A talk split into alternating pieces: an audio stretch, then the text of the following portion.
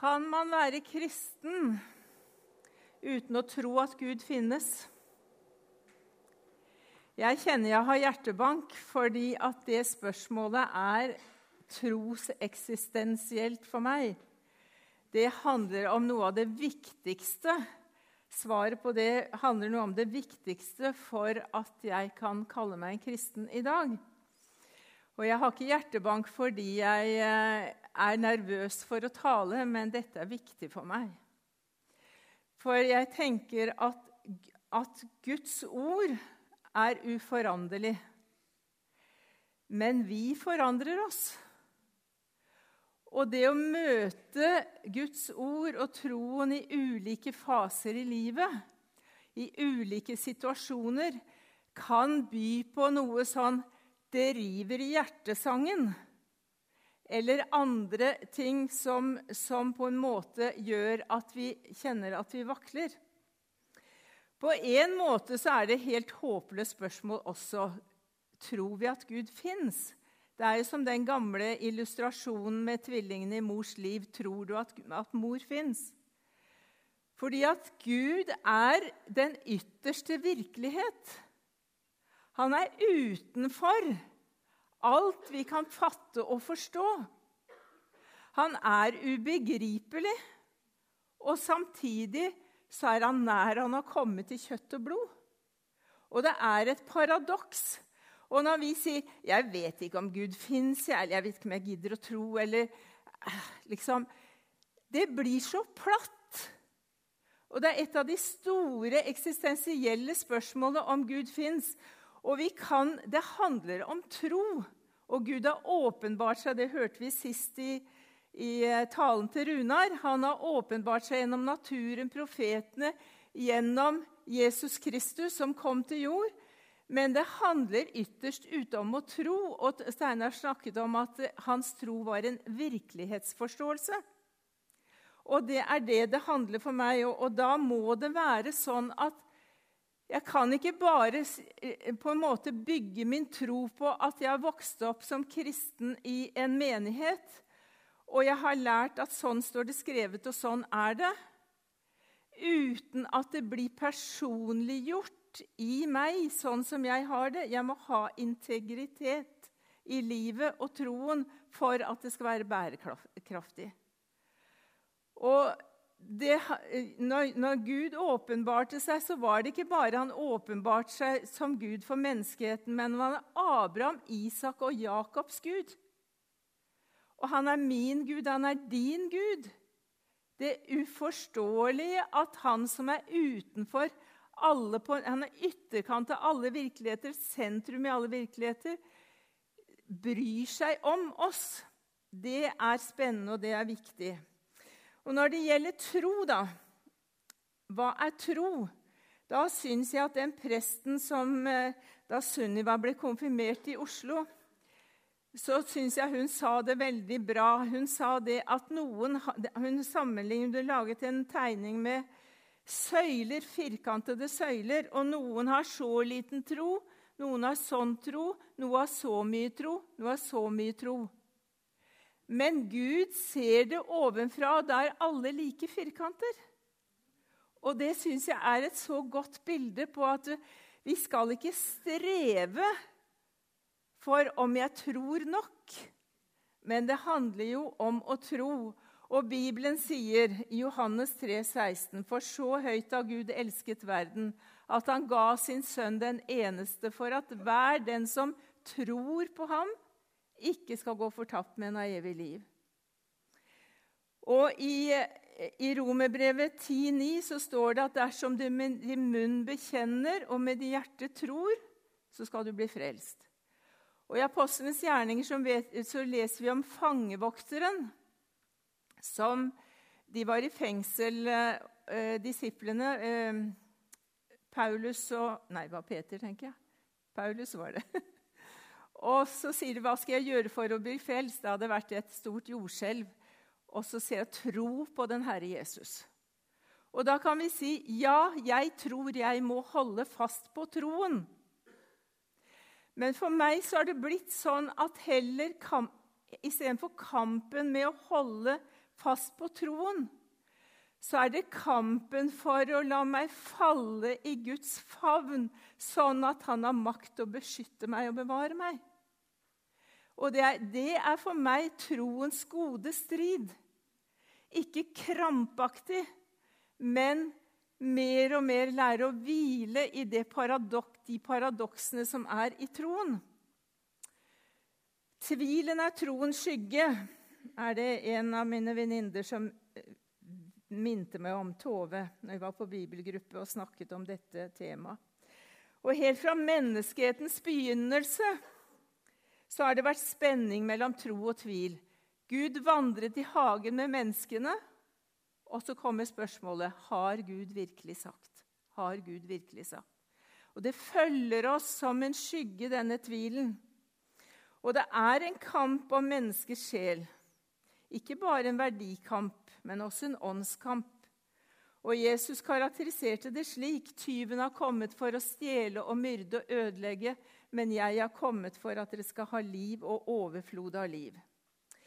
Noen tviler aldri, og det er ikke nødvendig å tvile for å være en seriøs kristen. Det er lov å hvile i troen uansett hva som kommer på. Og min mamma var sånn. Hun trodde alltid, hun tvilte aldri. Hun hadde en enorm tillit til Gud. Jeg er ikke sånn. Jeg er en sånn som kan bli plaget av tvil. Jeg husker den første gangen jeg hadde tvil. Da tror jeg måtte være 13-14 år. Vi hadde flytta fra byen og inn, ut til Gråtamoen. Jeg tok bussen. Det måtte være fra et speidermøte. Og jeg gikk og så på stjernehimmelen, og så tenkte jeg det er noe veldig rart at jeg er født inn i en kristen familie, og at jeg tror, og de andre tror ikke. Hvordan kan dette henge sammen? Og så ble det på en måte en takknemlighet, men også begynte å stille spørsmål.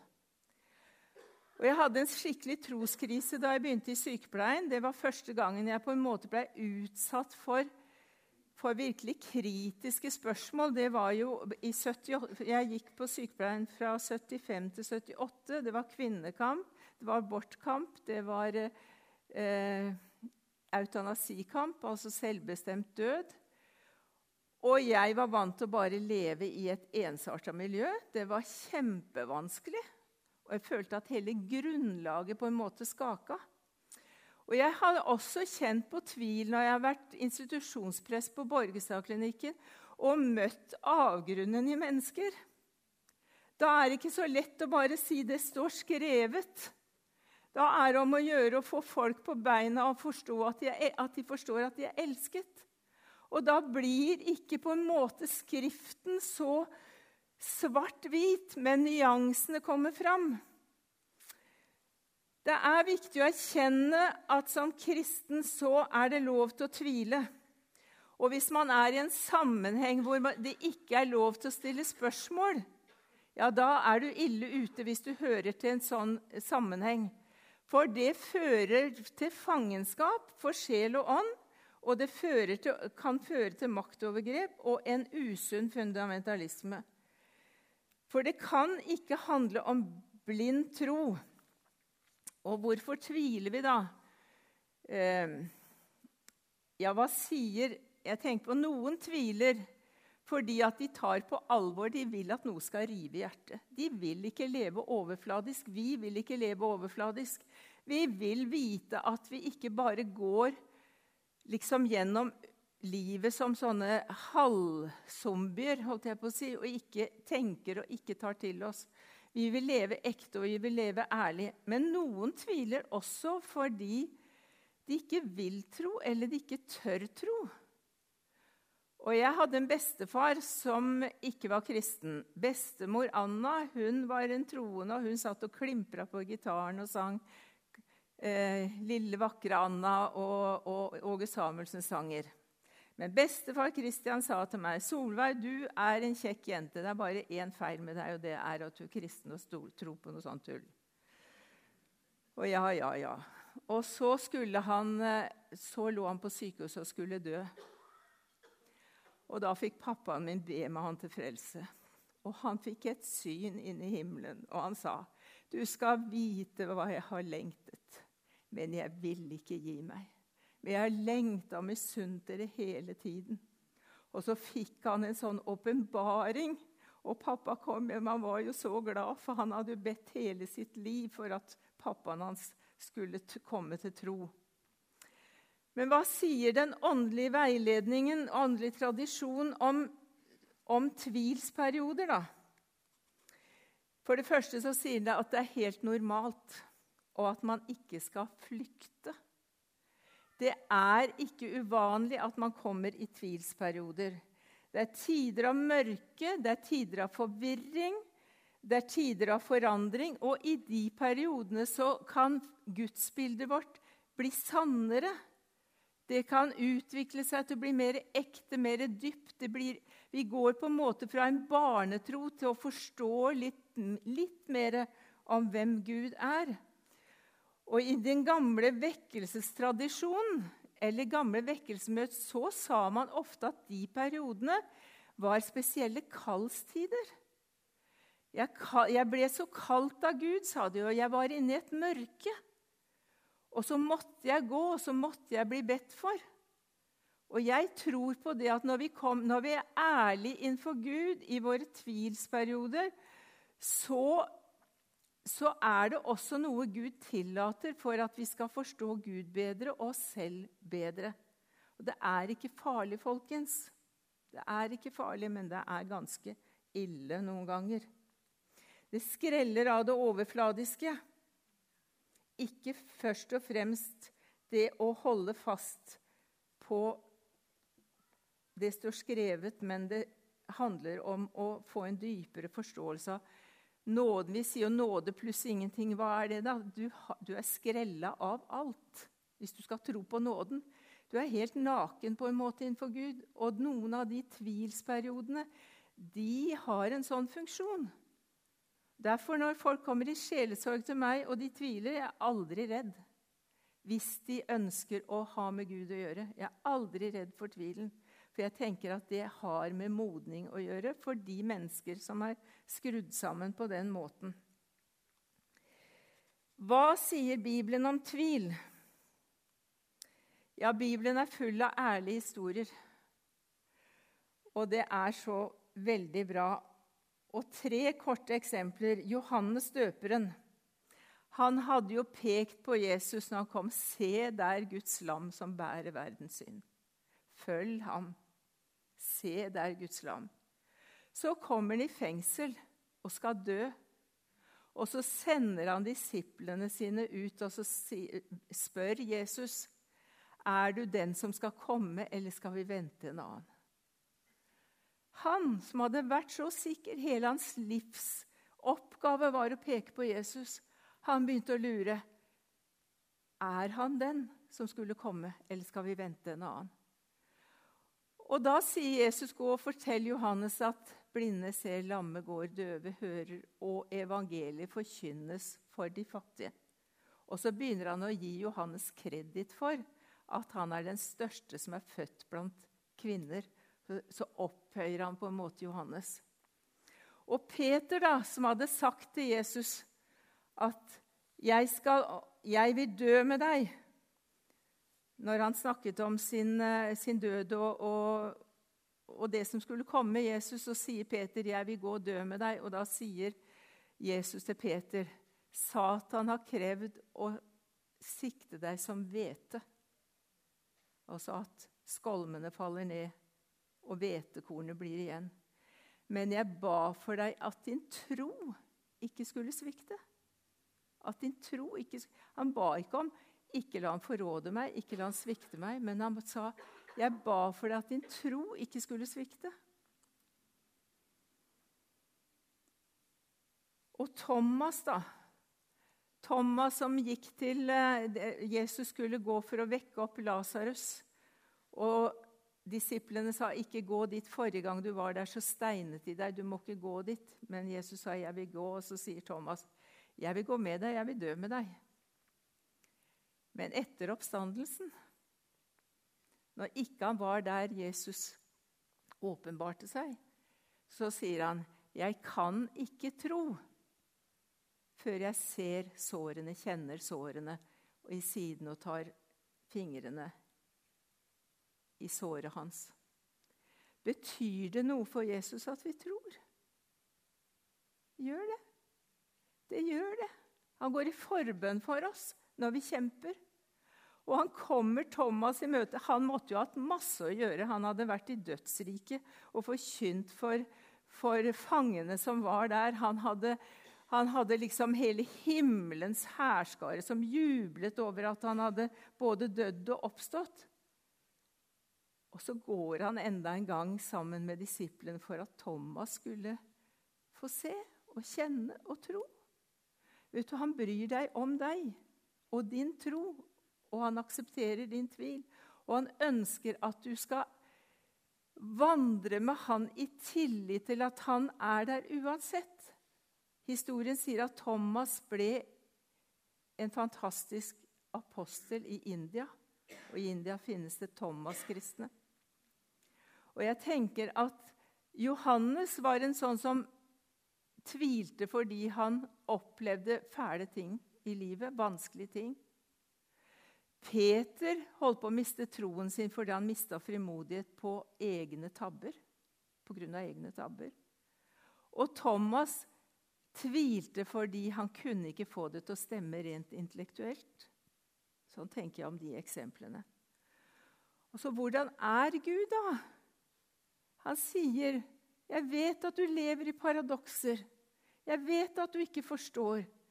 'Men jeg har gjort meg kjent. Jeg har flytta inn i hjertet ditt ved at du tar imot. 'Jeg er med deg, jeg følger deg. Du skal ikke vende deg bort fra meg.' 'Du skal tro at jeg fins, og at jeg fører deg helt fram.' Og så er det noe som er viktig at vi tror på. Vi kan ikke liksom bare sette sammen en helt ny teologi. Men vi kan, vi kan be Gud å forstå ting bedre. Jeg, personlig så strevde jeg en stund med det der med om verden var skapt på seks dager. Det tror ikke jeg. Bibelen, Første Mosebok er ikke en vitenskapsbok.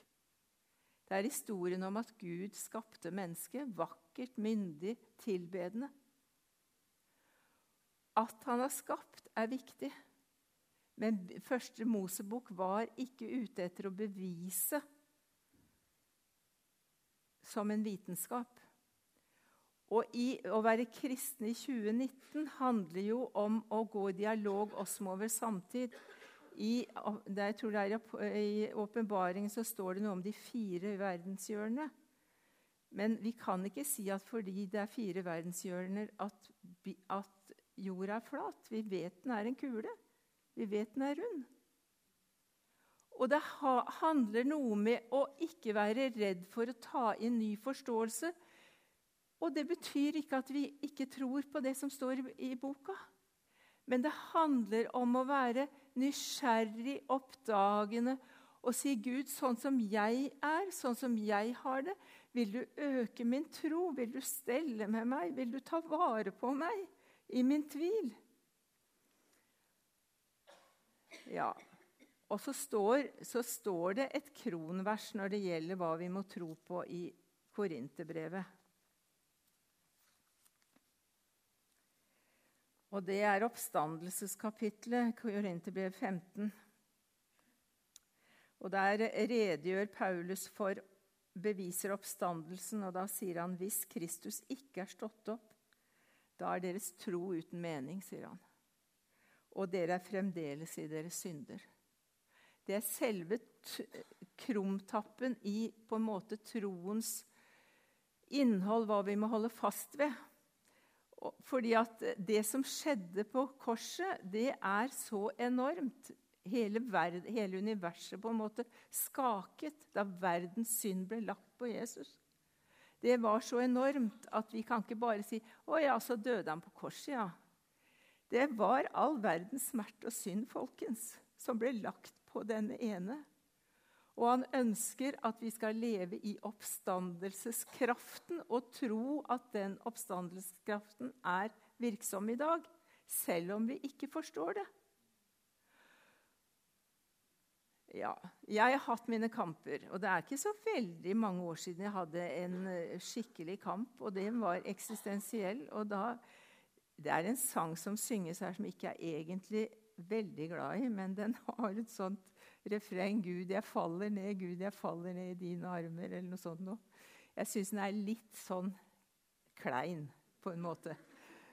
Men det hendte noen netter når jeg ikke fikk sove, at den sang inni meg 'Gud, nå faller jeg ned. Nå faller jeg ned dine Jeg har ingenting annet som bærer meg og holder meg oppe, enn jeg faller ned i dine armer. Og så falt jeg til ro.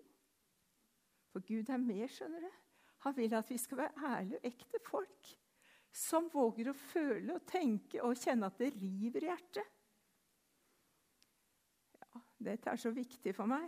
Det er så viktig for meg, Og det er så viktig for meg at vi ikke definerer folk ut av kristentroen. Samme hva. Jeg ville, jeg ville aldri sagt være, altså På spørsmålet kan du være kristen hvis du ikke tror at Gud fins, jeg ville aldri sagt nei på det, for det er ikke min oppgave å definere folk ut av kristentroen. Men vi kan hjelpe hverandre til å gå til sentrum av hva det vil si å være kristen, og ikke minst i 2019. Og vite at ja, Jesus er Han har kommet til jord, han er død for våre synder, oppstått til vår rettferdighet. Og han elsker alle mennesker, og han ønsker at vi skal være frimodige mennesker med livet våre og fortelle om at mørket er ikke mørkt så lenge Jesus er her. Og vi får lov til å være ærlige i den stillingen og den livssituasjonen vi er i. Noen ganger eh, når vi blir eldre og skal summere opp livet vårt, så kan vi tenke hva var det for noe, da?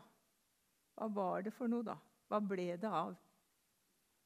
Dere unge dere kan tenke framover. Hva skal det bli? Dere har nye sjanser, men vi kan tenke hva ble det, da? Vet du hva? Det ble en oppdagelsesreise med Jesus. På rare veier og gode veier og godt og ondt. Og så, og så er det en kamp. Og Trygve Skau har skrevet en sang. Kan dere komme opp? Og Johanne skal synge den nå som sier noe om den kampen. og den, For meg så river den hjertet. Men det er også en bønn om hvordan, tro, hvordan, jeg ønsker at min tro skal være i 2019.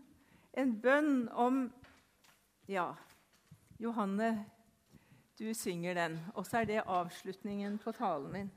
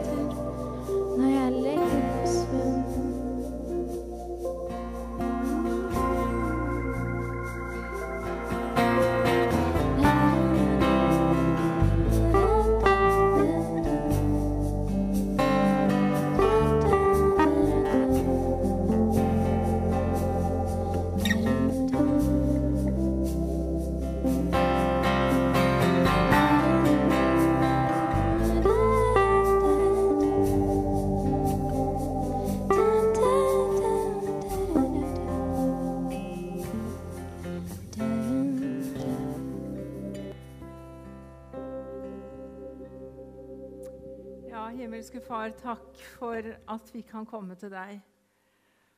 Og gi oss et blikk som aldri viker. Et håp som står av seg sjæl. Et hjerte som tåler å knuses uten å slå seg i hjel. Og så kommer du med din kjærlighet, og så må du åpenbare deg, Herre. Som du gjorde for Thomas. Og trøste som du gjorde Peter og støtte oss som du gjorde, Johannes. Nå kjenner du mine venner her, du vet hvilke livskamper de står i. Men du er alltid større. Du støter aldri noen bort. Hjelp at nattverden vi går inn i nå, blir et styrkemåltid og et trosteg for oss. I Jesu navn. Amen.